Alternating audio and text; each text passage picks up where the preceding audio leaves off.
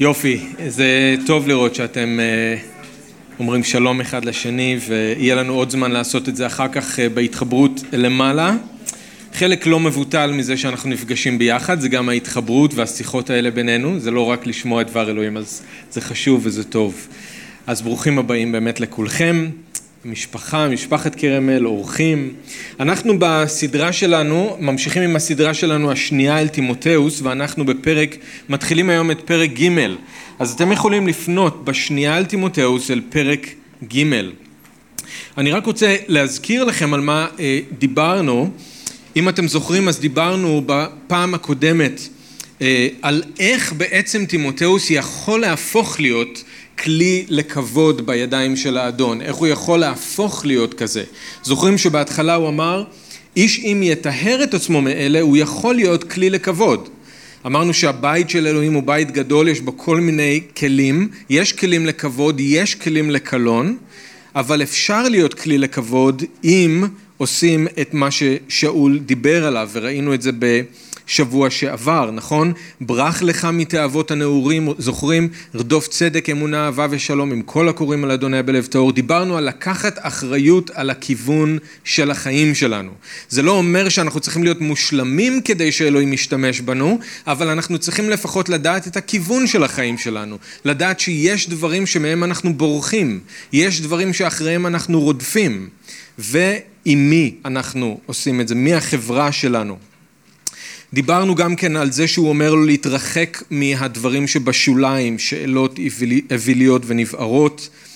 דיברנו על הדוגמה הזאת של עבד האדון שהוא נוח לכל, הוא מוכשר ללמד, הוא סבלן, הוא מוכיח בענווה את המתנגדים, והפוטנציאל שיש כשמישהו הוא כלי לכבוד בידיים של האדון, הכלי לא צריך להיות חזק, בעל הבית צריך להיות חזק, ואם הכלי הוא מקודש והוא בידיים של האדון, אז האדון יכול לעשות את הבלתי אפשרי, אפילו לשחרר אנשים מהמלכודת של השטן.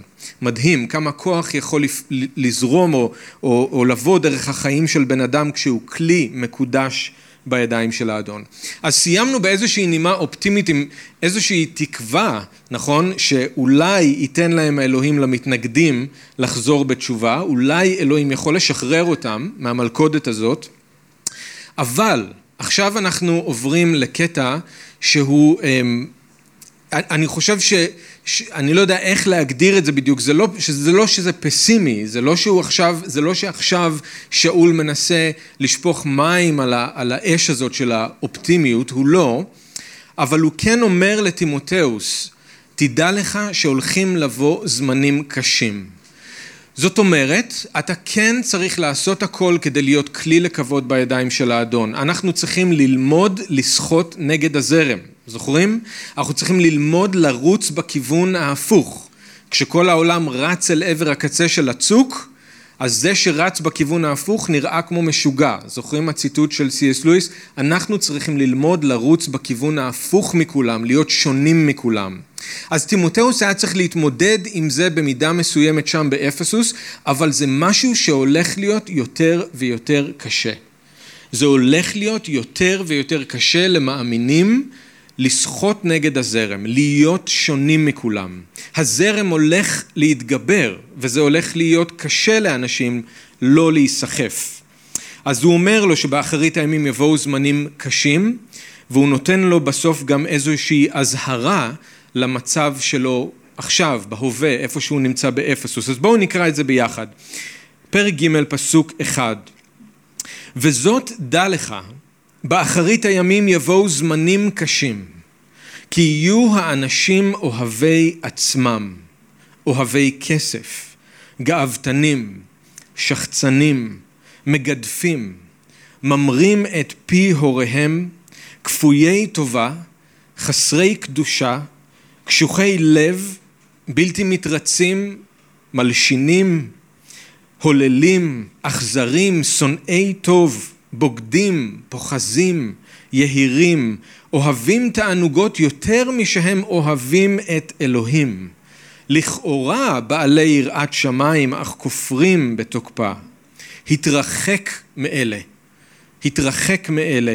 הן מקרבם באים האנשים אשר מתגנבים לבתים ולוכדים נשים כסילות, עמוסות חטאים ונטעות בכל מיני תאוות, הלומדות תמיד, ואף פעם אינן יכולות להגיע לכלל ידיעת האמת. וכדרך שיוחנה וממרא התנגדו למשה, כן גם אלה מתנגדים לאמת. אנשים אשר שכלם מעוות והם מכזיבים באמונה, אבל לא יצליחו עוד, כי איוולתם תגלה לכל, כמו שאירע גם לאנשים ההם. אבא, אנחנו מודים לך על דברך. אנחנו מודים לך שאתה אף פעם לא משאיר אותנו בחושך, אתה אומר לנו את האמת, גם אם זה לא קל לשמוע, אבל אתה אומר לנו את האמת. ואתה אומר לנו גם מה עתיד לבוא על העולם הזה, ואיך אנחנו צריכים להתנהל, איך אנחנו צריכים להתנהג. ואנחנו מבקשים, אדון, שאתה תיתן חיים, רוח חיים בדבר שלך, שהדבר שלך לא יהיה דבר שהוא רק אותיות על דף, אלא דבר שהוא חי, דבר שהוא פועל בתוך הלב שלנו. אנחנו רוצים להשתנות, אנחנו רוצים גם להיות מוכנים, אנחנו רוצים להיות חזקים ויציבים באמונה, וזה נהיה יותר ויותר קשה. אז אנחנו מבקשים שתחזק אותנו, אנחנו מבקשים שתברך אותנו דרך הלימוד של דברך, ותיתן לנו את מה שאנחנו צריכים כדי להצליח, אדון, אפילו בימים האלה, אפילו בזמנים שהם קשים, בשם ישוע. אמן. אז יש לנו כאן נבואה לגבי העתיד, יש לנו כאן אזהרה לגבי ההווה. החושך עתיד לבוא על כל העולם, אבל תיזהר, כי החושך הזה כבר פועל עכשיו, קרוב מאוד אליך. זה מה שאני חושב ששאול אומר לטימותאוס, זה מה שהוא אומר גם לנו. החושך עומד לבוא על כל העולם. אבל תיזהר כי החושך הזה כבר פועל, קרוב מאוד אליך. זה מה שטימותאוס היה צריך לשמוע, זה מה שאנחנו צריכים לשמוע ממנו היום. הוא אומר לו במילים אחרות, תדע שככה ייראה העתיד, אבל תיזהר כי העתיד כבר כאן. אנחנו גם כן צריכים לדעת מה עתיד לבוא על כל העולם, למרות שאני חושב שאתם תסכימו איתי שמה שעכשיו קראנו מייצג לא רק את מה שעתיד לבוא, אלא ממש משקף לנו את הזמנים שאנחנו חיים בהם. אז זה נכתב לפני משהו כמו אלפיים שני, שנה לטימותאוס על אחרית הימים, והנה אנחנו חיים בימים האלה, שהם זמנים קשים. אבל אנחנו, אז אני חושב שאנחנו עוד לא שם לגמרי, אני אסביר גם קצת על זה, אבל אנחנו גם צריכים לזכור, לא לשכוח שהחושך כבר פועל עכשיו, אז אני צריך לשים לב גם מה ממש קורה לידי ולהיזהר. אז נבואה לגבי העתיד, אזהרה לגבי ההווה. בואו נסתכל על זה ביחד. בפסוקים 1 עד 5 יש לנו נבואה על אחרית הימים.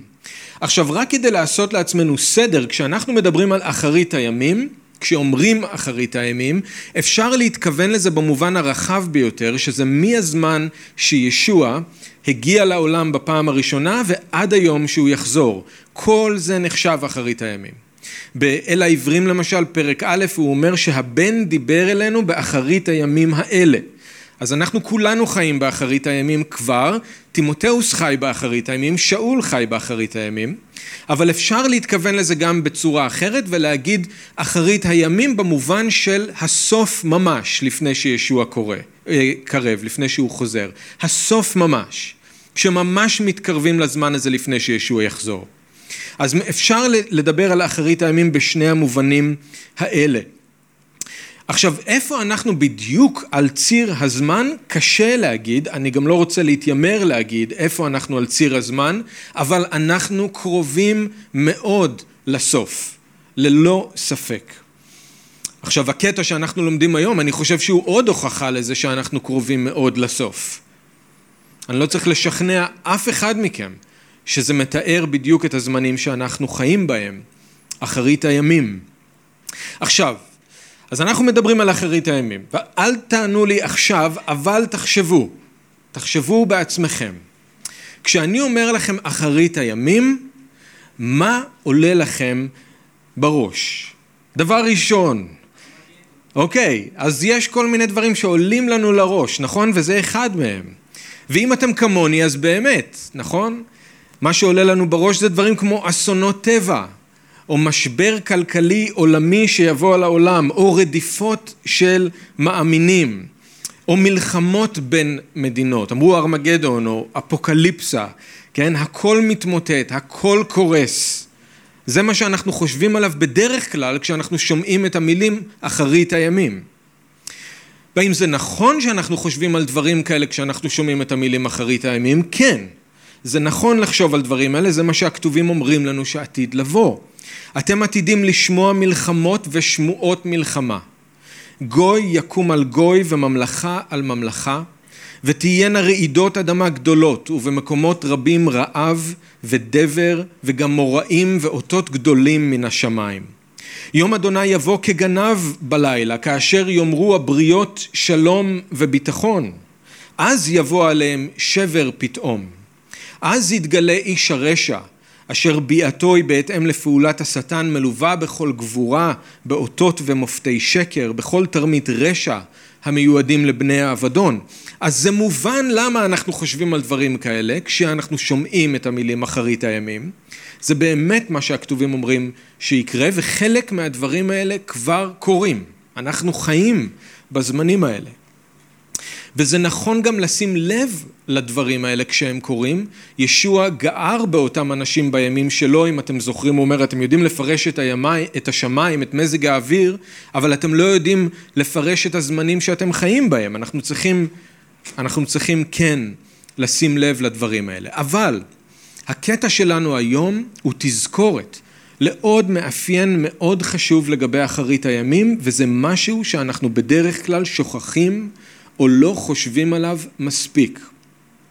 שככל שאנחנו מתקרבים לסוף, העולם יהפוך להיות מקום שקשה לחיות בו בגלל שבני האדם לגמרי יאבדו את הדרך מבחינה מוסרית. שאול אומר שבאחרית הימים יבואו זמנים קשים, קשים. ככה זה ירגיש בשביל מאמינים שחיים באחרית הימים. זה יהיה קשה, הזמנים יהיו קשים. אני צריך לשמוע את זה, אני צריך להיזכר בזה, כי לפעמים זה, אולי זה מגוחך, אבל אנחנו שוכחים את זה, אז אנחנו מתלוננים שקשה לנו. אבל ברור שקשה לנו. זה מה שהכתובים אומרים, שיהיה קשה, הזמנים יהיו קשים. אבל תראו ששאול לא אומר שהזמנים יהיו קשים בגלל שיהיו מלחמות ובגלל שיהיו רעידות אדמה, ובגלל שיהיה משבר כלכלי עולמי, הוא אומר שהזמנים יהיו קשים כי אנשים יהיו קשים. יהיה קשה במיוחד לחיות באחרית הימים כי תהיה הידרדרות מוסרית שלא הייתה אף פעם כמוה. האנושות תאבד לגמרי את הדרך מבחינה מוסרית. כל מה שפעם היה נחשב לערך בסיסי ייעלם לגמרי. והעולם יהפוך להיות ג'ונגל ואנשים יתנהגו כמו חיות פרא. העולם יהפוך להיות כמו זירת אגרוף וכל אחד נלחם על הפינה שלו. אין אהבה, אין כבוד, אין אמון, אין כניעה לסמכות, אין עזרה הדדית. החושך ירד על העולם מבחינה מוסרית והחברה האנושית תקרוס אל תוך כאוס. עכשיו אני חושב אתם לא חייבים להסכים איתי, אבל אני חושב שזה באמת יותר קשה מרעידות אדמה וממלחמות ומדבר, נגיפים כל מיני. אם אני צריך לבחור בין אסונות טבע לבין מלחמ... ובין מלחמות לבין חברה שפשטה את הרגל מבחינה מוסרית, אני בוחר באסונות טבע ומלחמות. אתם מוזמנים לחלוק עליי, זה בסדר, זאת הבחירה שלי. ואני אגיד לכם למה, אני זוכר שהרגשתי את זה ממש על אה, בשרי כשגרתי בשיקגו, במשך ארבע שנים גרתי שם בארצות הברית. שיקגו זאת אחת הערים בארצות הברית עם אחוזי הפשיעה הכי גבוהים שיש. יש מקומות או שכונות שאסור להיכנס לשם בכלל. אבל אפילו הרחובות הראשיים לא בטוחים אחרי השעה תשע בערב.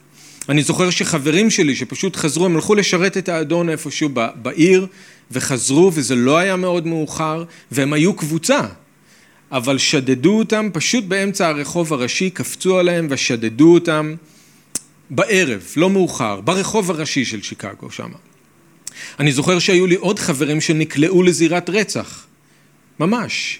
הם הלכו לקנות משהו בסופרמרקט קטן בשכונה שהייתה קרובה לבית ספר איפה שלמדתי והיה מישהו שכנראה פיטרו אותו והוא כעס על זה שפיטרו אותו אז הוא חזר כדי לנקום. אז הוא חזר עם אקדח וירה בקופאית ממש מול העיניים שלהם והם היו צריכים להסתתר מאחורי המכונות שתייה. ואני בעצמי הייתי עד לדברים אחרים כאלה שקרו ממש לידי ואני זוכר שדיברתי על זה עם חברים שלי שם, שהם אמריקאים, חלק מהם ממש גרים שם בשיקגו, ואמרתי להם, אתם יודעים מה? אני מעדיף כל הצרות שיש בארץ. אני מעדיף טילים ואזעקות מאשר מצב כזה שבו אני לא יכול לצאת החוצה, כי אני חושש כל הזמן מה יעשו לי. אני לא יכול לצאת לרחוב הראשי בתשע בערב כי אני לא יודע מה יעשו לי. אין אמון בין אנשים, כולם חושדים אחד בשני. אנשים אפילו לא עוצרים כדי להגיש עזרה למישהו כי הם פוחדים בארצות הברית. ואני ראיתי את זה וזה ידוע.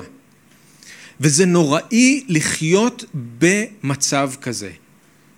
ואם אני צריך לבחור בין טילים ואזעקות לבין מצב כזה, אני בוחר בטילים ובאזעקות, חד משמעית. זה קשה לחיות בסביבה כזאת שאין אמון בסיסי בין אנשים וכל הזמן יש חשדנות ואתה כל הזמן צריך לפחד מה יעשו לך. אוקיי, אז איך ייראה העולם באחרית הימים? איך תיראה החברה באחרית הימים? אז יש כאן רשימה של תיאורים של איך אנשים התנהגו.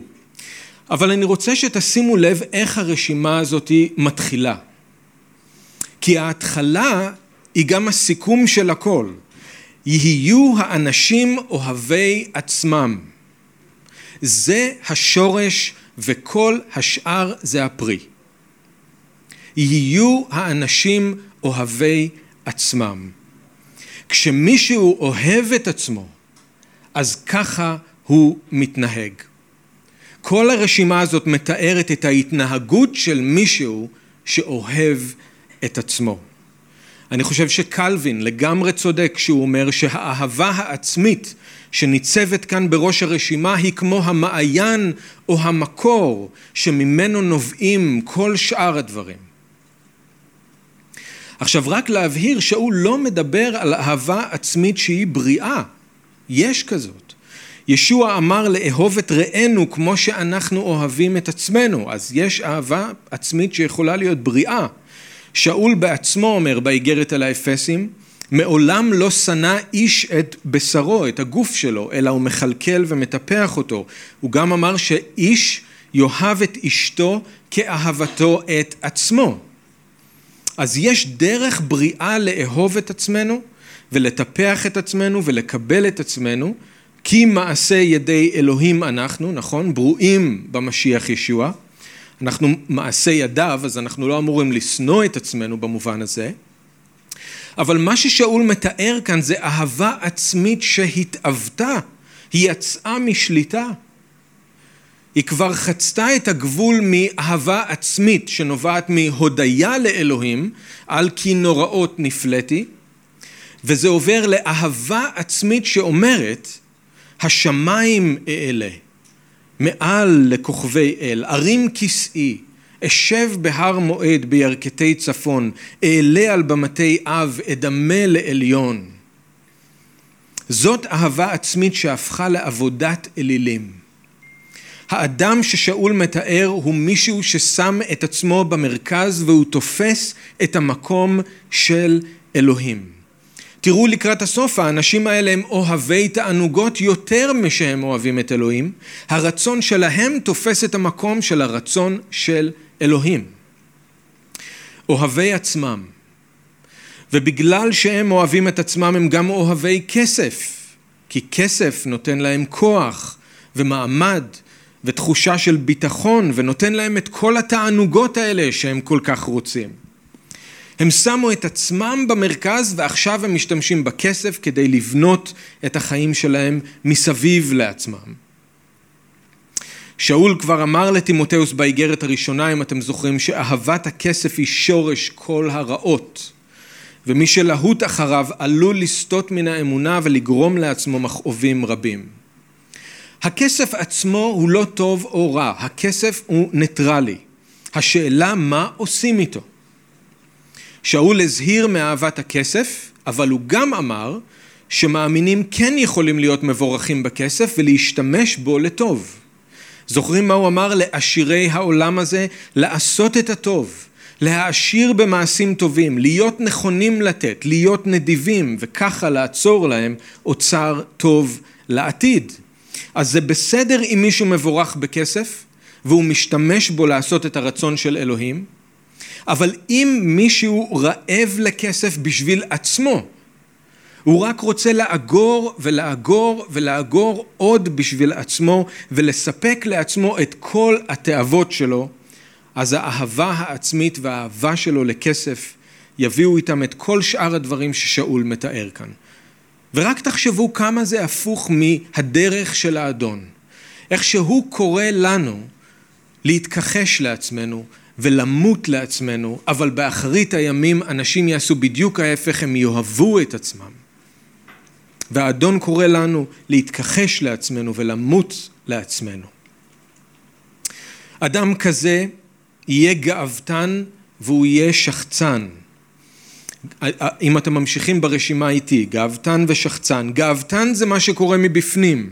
הוא באמת בטוח שהוא מיוחד ושהוא טוב יותר מאחרים. זה מה שקורה מבפנים.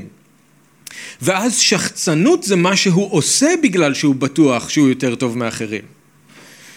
חשבתי על עוזיהו המלך, אני לא יודע אם אתם זוכרים את הסיפור שלו, אבל עוזיהו המלך זה דוגמה טובה לזה, גאוותנות ושחצנות.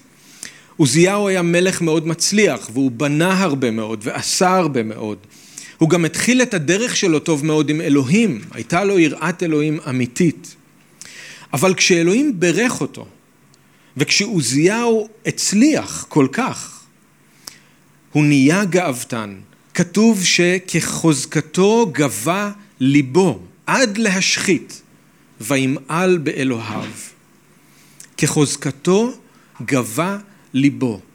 בגלל שהוא היה מצליח הוא נהיה גאוותן מבפנים, הוא נהיה בטוח בעצמו.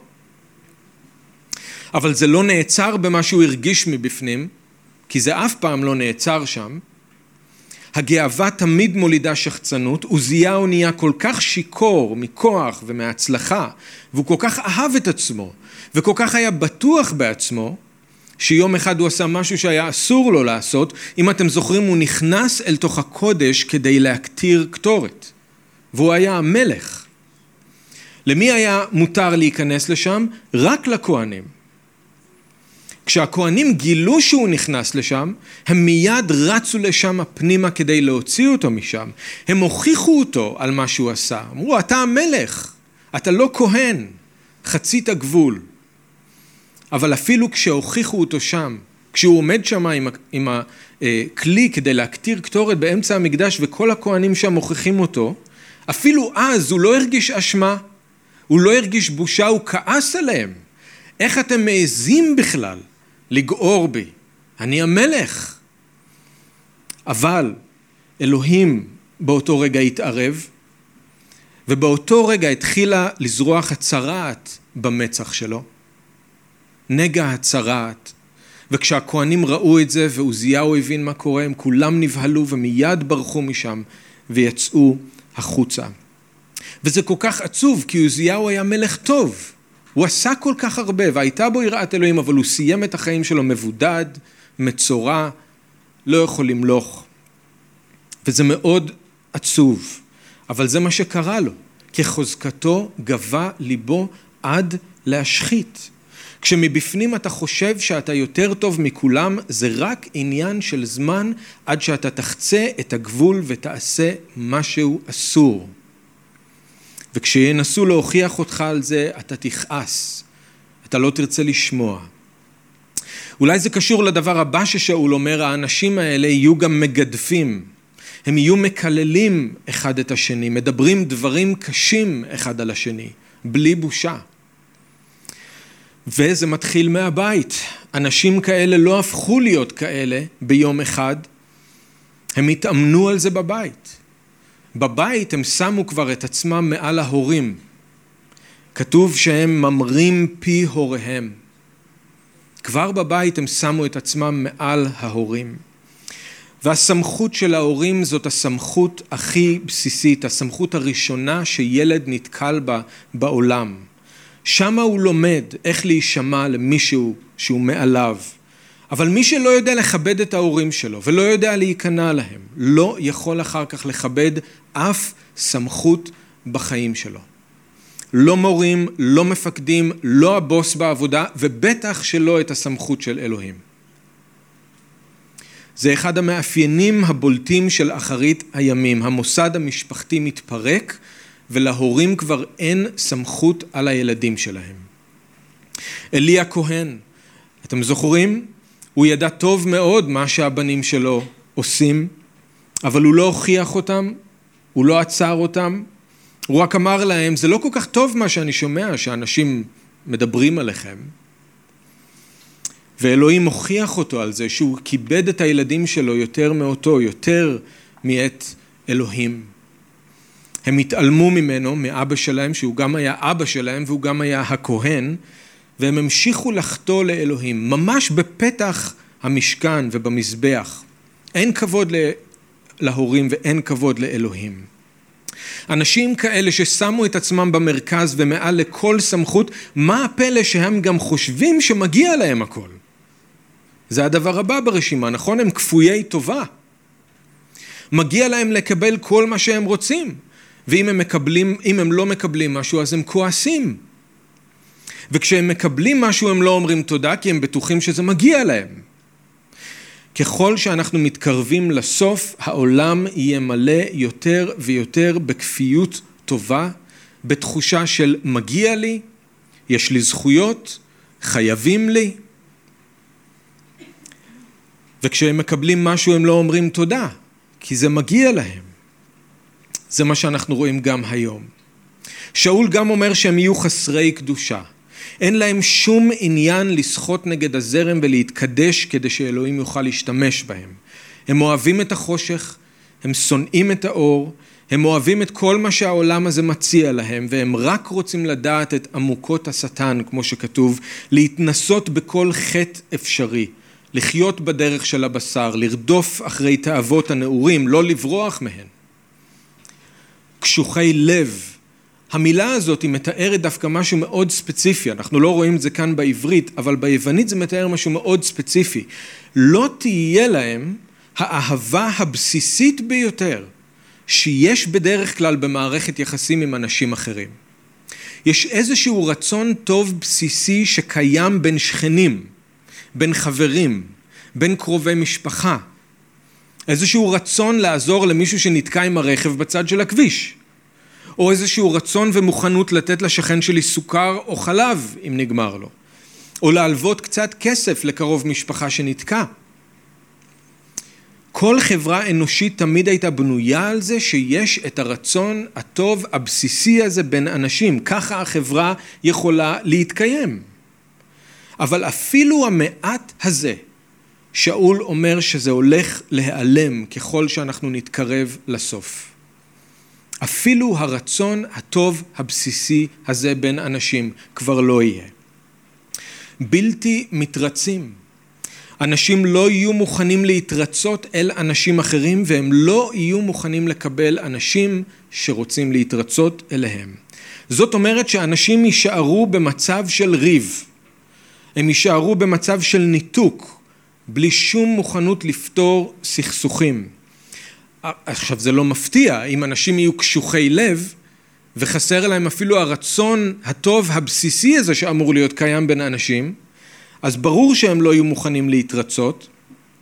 כתוב שהם יהיו מלשינים, המילה כאן זה דיאבלוס, שטן, אנחנו מכירים את זה, נכון? אנשים יהיו כמו השטן, סותנים, מאשימים אחד את השני, מעלילים אחד על השני, מסגירים אחד את השני. כתוב שהם יהיו הוללים, לגמרי חסרי מעצורים, בלי ריסון עצמי. מה שאני מרגיש ומה שעושה לי טוב, זה מה שאני עושה. ונראה אם מישהו יעז להגיד לי משהו. במילים אחרות תהיה השתוללות פראית מבחינת החטא והחיים בבשר בלי גבולות. כל אחד יעשה את מה שהוא רוצה. אנשים יהיו אכזרים. המילה הזאת מתארת בדרך כלל התנהגות של חיות פרא. התנהגות של חיות פרא, התנהגות שמתאימה לא לבני אדם אלא לבעלי חיים. אנשים התנהגו כמו חיות טורפות, בלי רחמים, בברוטליות. שונאי טוב. מה זה אומר? שאנשים כבר לא התעניינו בכלל, לא התעניינו כבר בכלל בלהפוך את העולם למקום טוב יותר.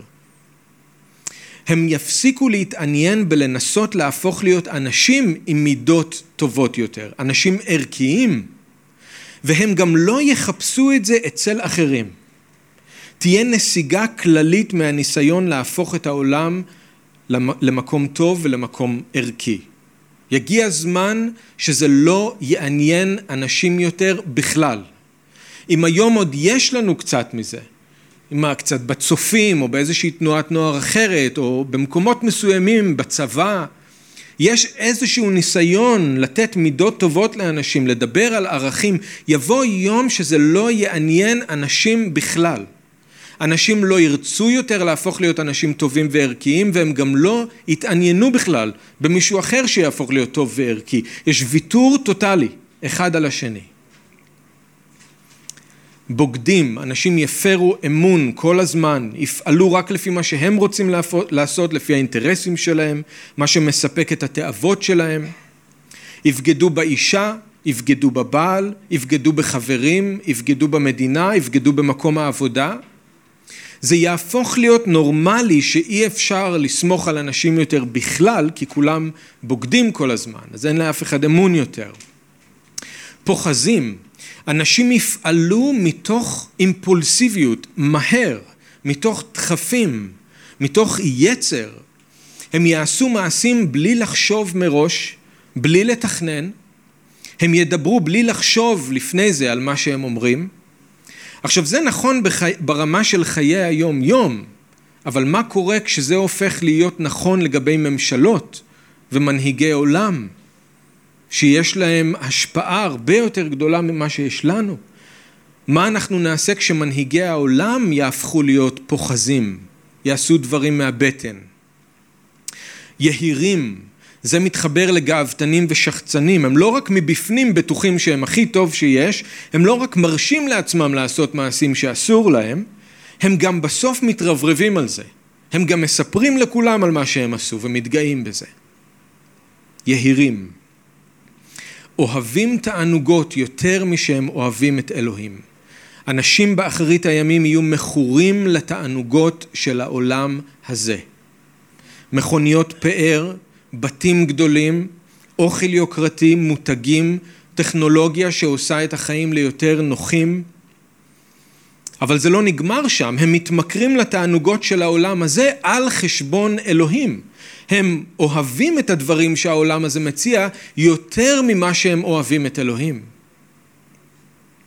כתוב על משה באל העברים שהוא בחר להתענות עם עם אלוהים מאשר להתענג בתענוגי החטא לשעה. הוא חשב את חרפת המשיח לאושר גדול מאוצרות מצרים, כי נשא עיניו אל הגמול. באחרית הימים זה מתהפך.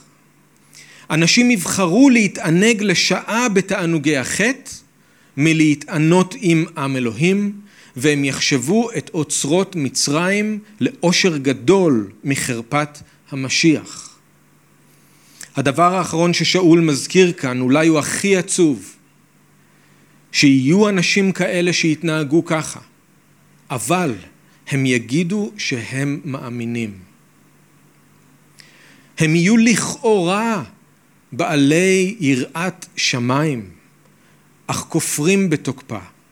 הם יהיו מתחזים. העולם לא הולך להיות אתאיסטי. האתאיזם לא הולך להשתלט על העולם. העולם יהיה מלא באנשים שמדברים כמו אנשים רוחניים או אנשים דתיים. לא אתאיסטים, האנשים האלה. לפחות לכאורה. כשכתוב כאן לכאורה, המילה ביוונית זה מורפי, צורה. תהיה להם צורה של מישהו מאמין, הם ייראו כמו מאמינים, הם ידברו כמו מאמינים, אבל באיך שהם חיים את החיים שלהם, הם מראים שהקליפה בעצם ריקה מתוכן, אין שם כלום. בטיטוס שאול אומר את אותו הדבר, הם מצהירים שהם יודעים את אלוהים, אך במעשיהם הם כופרים בו.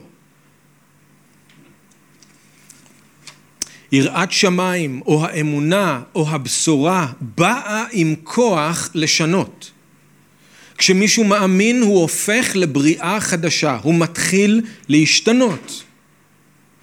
אבל באחרית הימים יהיו הרבה אנשים שיהיו מתחזים, הם יגידו את הדברים הנכונים, אולי אפילו לגבי ישוע והכתובים והבשורה, אבל אז כשמחפשים את הכוח של הבשורה בחיים שלהם, לא מוצאים שם שום דבר.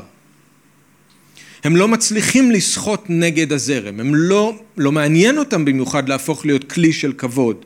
הם כמו כולם. הם רצים אל עבר הקצה של הצוק, לא בכיוון ההפוך. זה אחד הדברים הכי עצובים, שאנשים יתנהגו כמו ששאול מתאר, אבל הם יגידו שהם מאמינים, יהיו מתחזים. אז זאת התמונה העצובה של האנושות באחרית הימים. ואני חושב שכמו שכבר אמרנו, זה מתאר את הדור שלנו, זה תיאור מדויק. וברור שההתנהגות הזאת היא תמיד הייתה קיימת בעולם, שאול גם יודע את זה. אבל הוא מתכוון שבאחרית הימים זה ילך ויתעצם וזה יהיה ככה בכל מקום עד שזה יהפוך להיות נורמלי. ובימים שלנו זה באמת הופך להיות כבר הנורמה, הדברים האלה. אנחנו חיים באחרית הימים, כל הדברים ששאול תיאר מתאימים לזמנים האלה, הזמנים הם קשים, אבל אני גם חושב שעוד לא הגענו לגמרי אל השפל. כמה שזה נראה שאי אפשר עוד לרדת יותר נמוך מזה. אני חושב שהימים ילכו ויהיו חשוכים אפילו יותר ממה שהם עכשיו. העולם יידרדר מבחינה מוסרית והוא יגיע לשפל שאנחנו אפילו לא יכולים לדמיין. אולי זה כן יקרה בימים שלנו.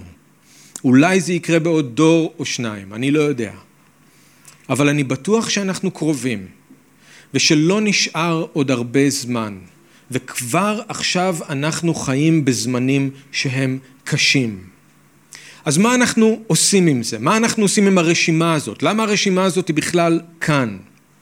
אנחנו לא יכולים הרי לעצור את זה מלקרות, נכון? הוא לא אומר לטימותאוס תעשה משהו כדי שהדברים האלה לא יקרו, הוא אומר אתה צריך לדעת, זה מה שהולך לקרות. אז אם אנחנו לא יכולים לעצור את זה, מה אנחנו אמורים לעשות עם המידע הזה? דבר ראשון, הרשימה הזאת היא כאן כדי שאנחנו לא נופתע כשהדברים האלה קורים סביבנו. כשאנחנו רואים את החברה שלנו מידרדרת לכזאת תהום, זה לא סימן שהכל יצא משליטה, להפך.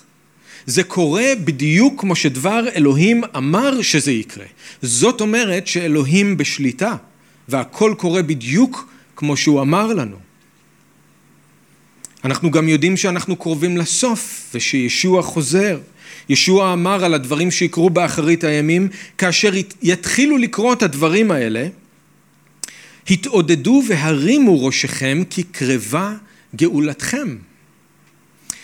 אז דבר ראשון זה כאן כדי שאנחנו לא נופתע מהדברים האלה, אלא אנחנו נדע שזה קורה בדיוק לפי התוכנית של אלוהים. הוא אמר שזה יקרה, והנה זה קורה. זה לא סימן שהכל יצא משליטה, זה לא סימן שאלוהים עזב אותנו. לא, זה קורה בדיוק כמו שהוא אמר שזה יקרה. דבר שני, הרשימה הזאת היא כאן כדי שאנחנו נכין את עצמנו. כדי שאנחנו נכין את עצמנו. אם אני הייתי אומר לכם שבעוד אה, שבוע או שבועיים הולכים להיות לנו כמה ימים מאתגרים כאן בחיפה, כי תהיה הפסקת מים בכל העיר למשך כמה ימים, מה הייתם עושים עם המידע הזה? הייתם הולכים ואוגרים מים. נכון? כל כוס בבית שלכם הייתה מלאה מים, ואם הייתי נכנס לדירה שלכם, כל הבית היה מלא בכלים ובכוסות, הכל מלא מים. כי אתם רוצים להיות מוכנים להתמודד עם האתגר הזה. אתם רוצים שלא יהיה לכם חוסר, נכון? אותו הדבר עם האזהרה הזאת של שאול.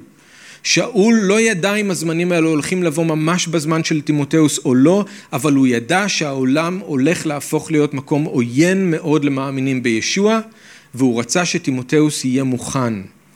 באחרית הימים יהיה מחסור בקדושה, יהיה מחסור באמת, יהיה מחסור באהבה, ואנחנו צריכים לעמוד על המשמר ולהתכונן. זה אומר שאנחנו צריכים לחזק את השורשים שלנו עוד יותר בדבר אלוהים, לחזק את עצמנו עוד יותר באמונה. הזרם הולך להיות יותר ויותר חזק וזה יהיה יותר קשה להתנגד. אנחנו צריכים להתחזק עכשיו, אם זה מה שהולך לבוא עלינו. זה הזמן להתחזק. אם אנחנו נתעלם מהרשימה הזאת ונגיד אוקיי, אני צריך לדעת לגבי זה, אני יודע לגבי זה, תודה רבה, פספסנו. אנחנו צריכים להתכונן בגלל שזה מה שמגיע. עכשיו זה הזמן למלא את המצבורים שלנו ולחזק את עצמנו כי זה מה שהולך לבוא. אנחנו עוד לא מרגישים את זה לגמרי בישראל, אבל בעולם כבר מרגישים את זה מאמינים ורואי קהילה וקהילות שלא יכולים לדבר בחופשיות על מה שהכתובים אומרים. רואי קהילה נמצאים בתאי מעצר, כונסים קהילות, משביתים פעילויות, בגלל שהמאמינים אומרים דברים שהעולם חושב שאסור להגיד אותם, מתנגדים לדברים שהעולם חושב שאסור להתנגד אליהם. עכשיו זה הזמן להחזיק מעמד טוב מאוד באדון, חזק מאוד באדון. עכשיו זה הזמן לדעת את הדבר שלו, להתמלא בדבר שלו, להתחזק באמונה, כי זה מה שהולך לבוא. הזרם הזה הולך לבוא. השאלה אם הוא יסחוף אותנו, או אם אנחנו נחזיק מעמד כשהוא יבוא ונוכל אפילו לשחות נגד הזרם. בהמשך הפרק שאול אומר, אנשים רעים ומדיחים יגבירו רעתם. הרעה והרשע ילכו ויגדלו. דבר שלישי, הרשימה הזאת היא כאן כמו ראי כדי לשקף לנו את עצמנו. אנחנו לא צריכים לקחת את הרשימה הזאת ולהפנות אצבע מאשימה על העולם ולשפוט את כל מי שבחוץ. אנחנו צריכים להיזהר, כי הדברים האלה קיימים בתוך כל אחד מאיתנו. בתוך כל אחד מאיתנו. ואיפה שאנחנו מזהים את הדברים האלה אצלנו, אנחנו צריכים לחזור בתשובה. אנחנו צריכים לבקש מאלוהים שהוא יעזור לנו, יקדש אותנו, שלא ניסחף אחרי העולם, אלא שנחזיק מעמד. אוקיי, זה קשור למה ששאול אומר כאן בסוף הקטע, ועם זה אנחנו נסיים. הוא אומר לו ככה, בפסוקים חמש עד תשע, הוא אומר לו, אל תסתכל רק רחוק אל העתיד, ואל תהיה עסוק במה שעתיד לבוא, כי החושך הזה כבר נמצא קרוב מאוד אליך ואתה צריך להיזהר. כמו שכתוב, סוד הרשע כבר פועל. הרוח הזאת כבר עכשיו פועלת בבני המרי. אז הוא אומר לו, להתרחק מאלה, רחק מאלה. ממי? מאלה שהוא עכשיו תיאר, במיוחד מאלה שהם המתחזים, אלה שהם לכאורה בעלי יראת שמיים. ותראו למה. הן מקרבם באים האנשים אשר מתגנבים לבתים ולוכדים נשים כסילות עמוסות חטאים ונטעות בכל מיני תאוות הלומדות תמיד ואף פעם אינן יכולות להגיע לכלל ידיעת האמת. אז יש אנשים שתימותאוס חייב להתרחק מהם כי הם מסוכנים. תראו איך האנשים האלה פועלים. הם מתגנבים והם לוכדים את החלשים, במקרה הזה את החלשות. הייתה שם קבוצה של נשים באפסוס, אולי זאת זאת שכבר דיברנו עליה, אותן אלמנות צעירות ועשירות שחיו חיים בדרך של העולם ולא בדרך של האדון. שאול אומר עליהן שהן נשים כסילות, או ביוונית זה נשים קטנות או חלשות. למה הוא אומר שהן כסילות או חלשות? הן כבר עמוסות חטאים. הן כבר הולכות לאיבוד בגלל כל מיני תאוות, חיות בדרך של העולם ושל הבשר. הן גם אבל מאוד אוהבות ללמוד. הן כל הזמן רוצות ללמוד, אבל לא כדי להשתנות ולא כדי להתקדש, הן רוצות ללמוד כי זה מעניין וזה מסקרן, ללמוד עוד ועוד ועוד, אבל אף פעם לא להגיע לידי כלל ידיעת האמת. ומורי השקר מתגנבים דווקא לבתים האלה והולכים דווקא אל הנשים האלה ולוכדים אותן שם. היו, אני רוצה רק להדגיש, נשים באפסוס ששאול עודד אותן כן ללמוד, אם אתם זוכרים. היו גם נשים ששירתו בתור שמשיות, דיברנו על זה באיגרת הראשונה. אז שאול לא מותח כאן ביקורת באופן כללי על נשים, ממש לא. וברור שהיו גם גברים כסילים שהיה אפשר ללכוד אותם בקלות, כן? אבל במקרה הזה היו הנשים. אז שאול אומר לטימותאוס, אתה מנהיג את הקהילה, אתה צריך להתרחק מאנשים כאלה כדי שלא תהיה להם הזדמנות להתגנב פנימה ולגרום לנזק הזה. אז אנחנו מן הסתם לא צריכים להתמודד עם הסיטואציה הזאת כמו שטימותאוס היה צריך להתמודד איתה, אבל אני כן רוצה לעודד אתכם, תחשבו, האם יש אנשים שמהם אתם צריכים להתרחק כי הם מתחזים או כי הם מנסים לנצל אתכם? הם מנסים להתגנב פנימה וללכוד? אם הם קוראים לעצמם מאמינים, תבדקו אם יש שם משהו חוץ מהקליפה. גם אם הם קוראים לעצמם מאמינים וגם אם הם מלמדים את דבר אלוהים, תבדקו את החיים שלהם. תבדקו את החיים שלהם. עכשיו שאול מסיים בפסוקים שמונה ותשע עם מה שהוא אומר על האנשים האלה שהם מצליחים במידה מסוימת עם הרוע שלהם, אבל הוא מסיים בנימה אופטימית שהרוע שלהם מוגבל. ואני יודע שזה משהו שאתם בטח לא מבינים אולי מה לעשות עם המילים האלה, עם השמות האלה, כדרך שיוחנה וממרא, מי זה יוחנה וממרא, התנגדו למשה, כן גם אלה מתנגדים לאמת, אנשים אשר שכלם מעוות והם מכזיבים באמונה, אבל לא יצליחו עוד כי איוולתם תגלה לכל כמו שאירע גם לאנשים ההם. אז אם אתם חושבים שפספסתם משהו, או שאיפה זה בספר הכתובים, או אתם מנסים להיזכר בתנ"ך, אולי זה באיזה ספר שאני לא קורא בדרך כלל, אולי יש שם איזה יוחנה וממרא, אין יוחנה וממרא. כן? אתם לא תמצאו את יוחנה וממרא, זה לא נמצא בתנ"ך. זה כן מופיע במקורות חיצוניים, אז מצאו חלק ממגילות קומראן, ים המלח, השמות מוזכרים שם, זה נמצא בתרגום אה, יונתן, אה, אז המילים, השמות האלה מוכרים לנו, אבל לא מהתנ"ך. לפי המסורת השניים האלה היו אחים, והם היו שניים מהחכמים והמכשפים שהיו עם פרעה והתנגדו למשה כשהוא ואהרון רצו שפרעה ישחרר את עם ישראל ממצרים. אז אם אתם זוכרים, בהתחלה הם כן הצליחו במידה מסוימת, נכון? לעשות את מה שמשה ואהרון עשו. הצליחו להפוך את המטה שלהם לנחש, גם, למרות שהמטה של אהרון בלע את כל השאר, הם גם הצליחו להפוך את המים לדם, והם גם הצליחו להעלות צפרדעים, אבל הם לא הצליחו להסיר אותם. אז עם הכינים כתוב שהם ניסו, אבל שם הם בכלל לא הצליחו. אז שאול משווה את מורה השקר למכשפים האלה ממצרים, והוא אומר, זה נכון, הם יכולים להצליח במידה מסוימת, אבל ההצלחה שלהם תהיה מוגבלת. ואלוהים בסופו של דבר יביס אותם, ולא יישאר מהם כלום חוץ מבושה. כולם יראו את האיוולת שלהם. אז אם יש אנשים בחיים שלכם שמאוד מטריד אתכם שהם דווקא לכאורה מצליחים, למרות שאתם אולי יודעים שהם מתחזים והם לא באמת תלמידים של המשיח, הם מתגנבים ולוכדים את החלשים אולי, אז תתעודדו כי אלוהים לא יאפשר להם להמשיך ולהמשיך ולהתקדם ומתישהו זה בסוף יצא לאור וזה יהיה ברור מי הם באמת. אז זה מה שיש לנו כאן בקטע שלנו היום, נבואה לעתיד ואזהרה להווה. החושך עתיד לבוא על כל העולם, אבל אנחנו צריכים להיזהר כי החושך כבר פועל עכשיו קרוב מאוד אלינו. אז אני רוצה שתחשבו מה אתם עושים, עם ה, בעיקר עם הנבואה הזאת של שאול על אחרית הימים. אל תסתפקו רק בלדעת, אלא תנו לזה אפילו לזעזע אתכם ולהניע אתכם לפעול. תתכוננו. זה כבר כאן, אבל זה הולך לבוא בעוצמות גדולות מאוד, ואנחנו צריכים להיות מוכנים להתמודד עם זה. אמן? אבא, אנחנו רוצים אה, להודות לך שאתה נאמן להכין אותנו לבאות. אתה לא רק אומר לנו מה עתיד לבוא, אלא אתה מזהיר אותנו ואתה מכין אותנו. ואנחנו מבקשים, אדון, שאתה תשמור עלינו מן הרוח של העולם הזה. אנחנו יודעים שסוד הרשע כבר פועל.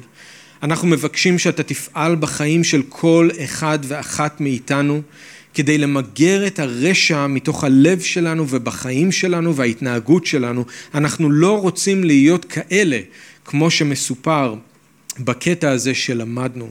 אנחנו רוצים להיות כלים לכבוד, אנחנו רוצים להביא לך כבוד באחרית הימים. אנחנו רוצים לשחות נגד הזרם, אנחנו רוצים להיות אורות בתוך החושך.